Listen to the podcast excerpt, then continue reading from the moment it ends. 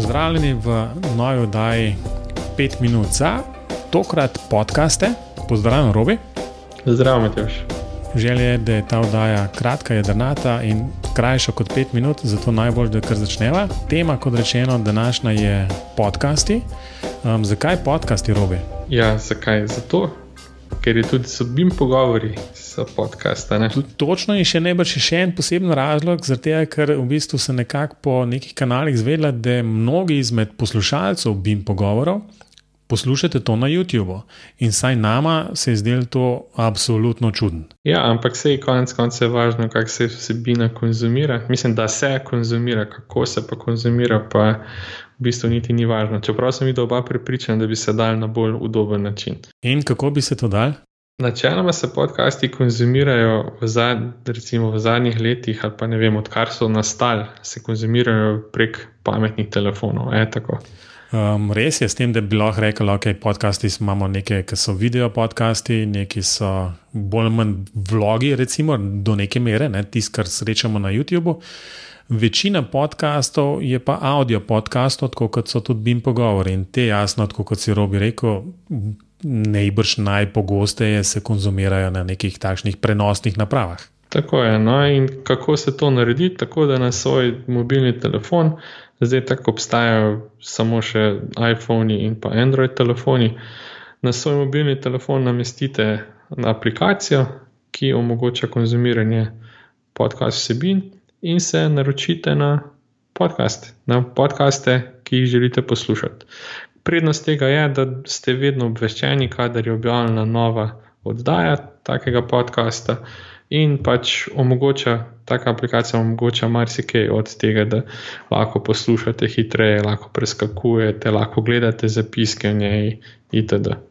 Bi kaj dodal, Mateoš? V bistvu ne. Um, s tem, kot si že omenil, je mogoče manjša razlika med Android telefoni in iPhonom iPhoni, pač z operacijskim sistemom iOS, pride tudi že aplikacija, podcast se jim tudi reče, ki vse te stvari omogoča. Jasno, ta podcast aplikacija je direktno vezana na iTunes, kjer v bistvu mislim, da obstaja največja zbirka podcastov um, sploh. Ne? Čeprav so podcasti objavljeni tudi kje drugje, iTunes kot tak je, mislim, da je največji agregator teh podcastov.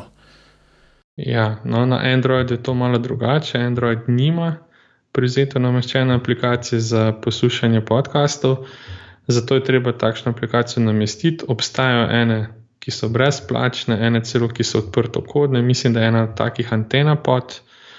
Uh, sam osebno pa uporabljam aplikacijo Pocket Casts, ki je sicer plačljiva, ampak je vredna vsakega evra.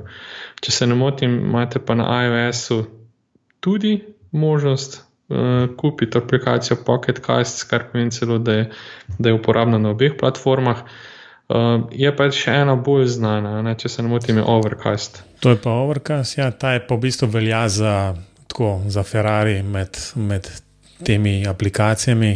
Morda me, me samo azmutim, zaradi tega, ker v, je treba, prvič je treba plačati. Oziroma, treba. Ja, čeprav ja, je treba, če nočeš gledati nekih reklam. Um, tako da sem mečkano občutljiv na te reklame, tako da v bistvu sem rekel, noč bom pa jaz to, kar tisto običajno um, aplikacijo v AWS-u uporabljal. Z manjšimi problemi dela zelo solidno, jaz sem zadovoljen in v bistvu bolj manj vse podcaste pač preposlušam na ta način. Ja, jaz sem pa super zadovoljen z aplikacijo Pocket Cast. Sicer na začetku sem imel kar malce težav, da sem se navadil, ampak zdaj, zdaj mi je pa super.